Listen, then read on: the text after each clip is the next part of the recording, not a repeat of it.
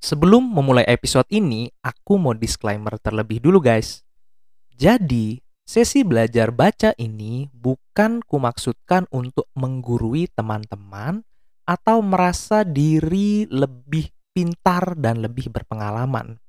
Tapi, aku cuma ingin sharing poin-poin atau ilmu yang aku dapatkan setelah membaca buku tersebut. Dan pemahaman yang aku dapat dari buku tersebut bisa saja tidak sesuai dengan apa yang sebenarnya dimaksudkan oleh penulis. Jadi, aku sarankan agar teman-teman beli sendiri bukunya, kemudian dibaca, dan diambil atau disimpulkan sendiri ilmu-ilmu yang teman-teman dapat dari membaca buku tersebut.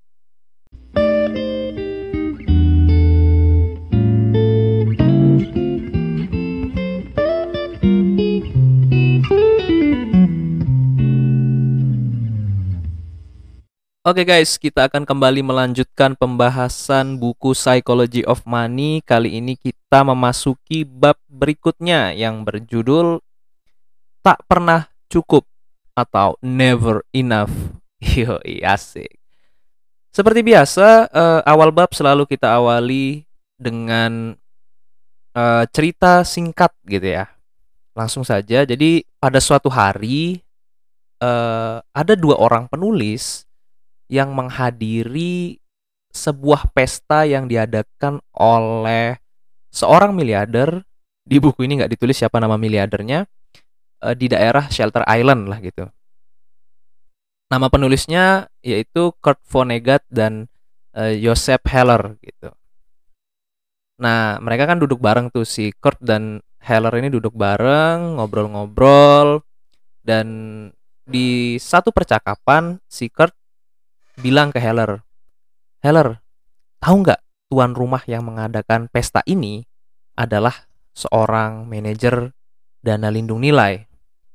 Dia memiliki penghasilan lebih besar dari pendapatan yang kamu dapat dari penjualan buku Catch 22 yang kamu miliki. Jadi buku Catch 22 itu salah satu buku ciptaannya Joseph Heller yang populer lah gitu. Terus Heller jawab, Iya, benar. Memang penghasilannya jauh lebih besar daripada penghasilan dari buku yang saya buat.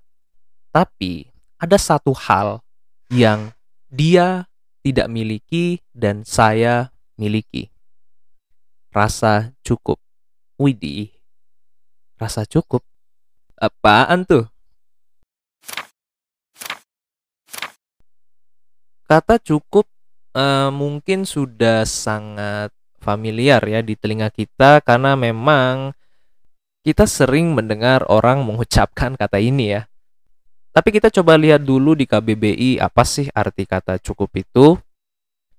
Jadi cukup itu bisa berarti dapat memenuhi kebutuhan atau memuaskan keinginan, kemudian tidak kurang, atau bisa diartikan lengkap, genap, sudah memadai, atau tidak perlu ditambah lagi dan masih ada beberapa arti lainnya.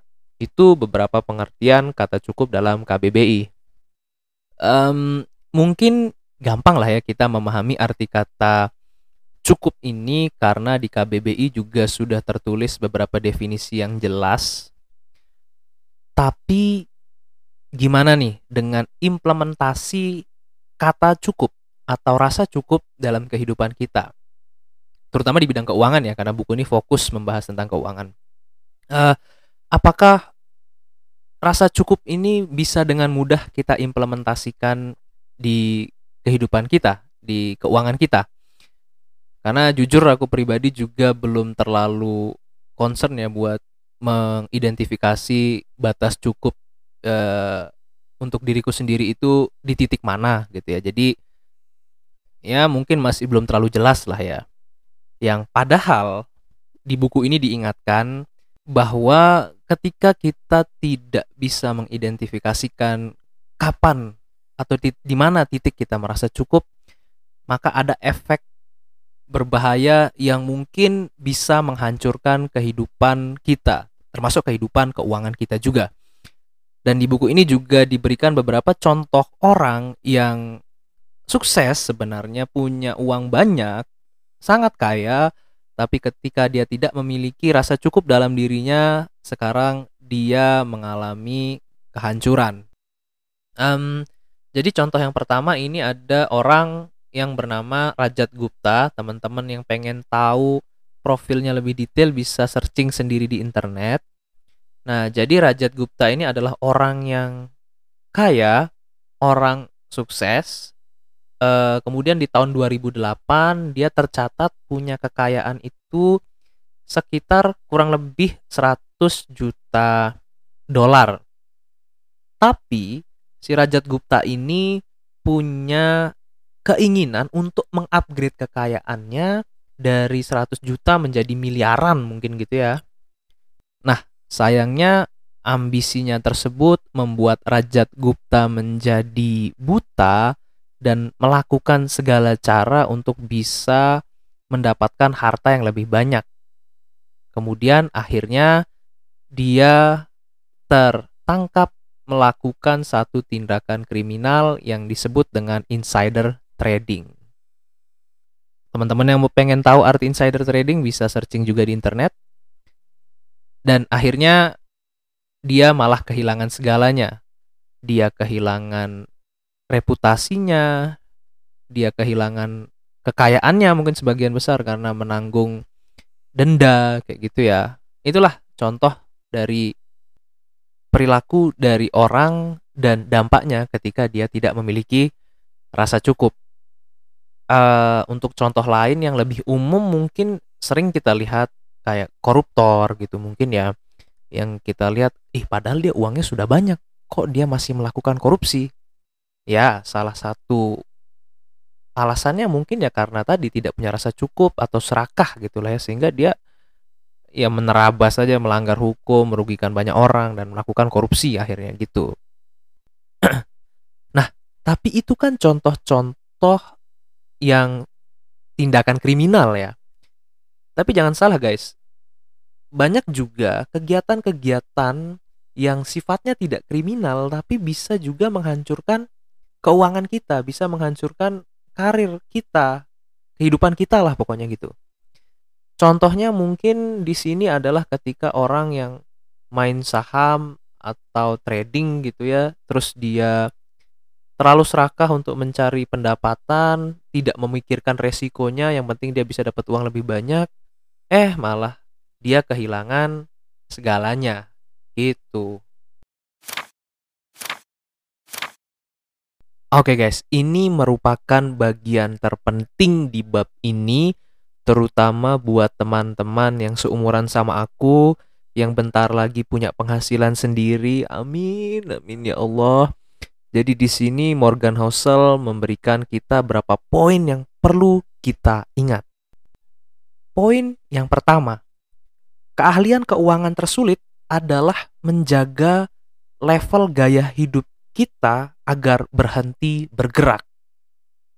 Ketika kita memperoleh penghasilan tambahan, mungkin akan datang godaan kepada diri kita supaya kita menggunakan uang tersebut untuk membelanjakan semua keinginan kita. Bahkan kita berharap bisa menghasilkan pendapatan tambahan untuk memenuhi keinginan yang belum bisa kita capai.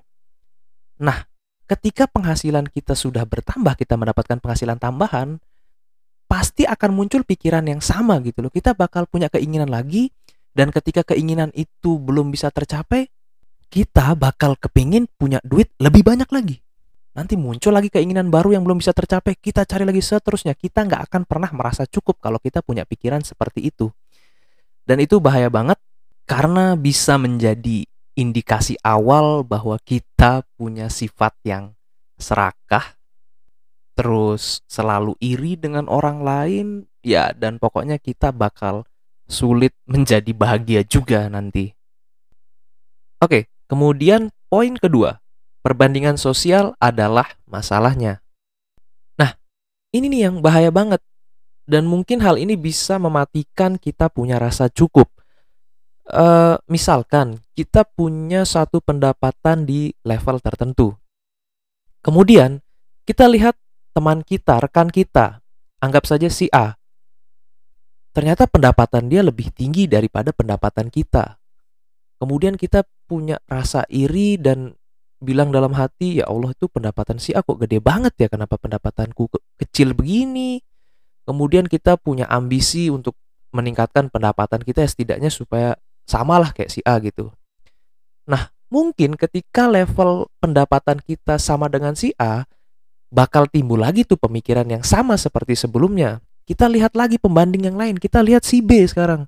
Loh, si B kok pendapatannya tinggi banget ya ampun.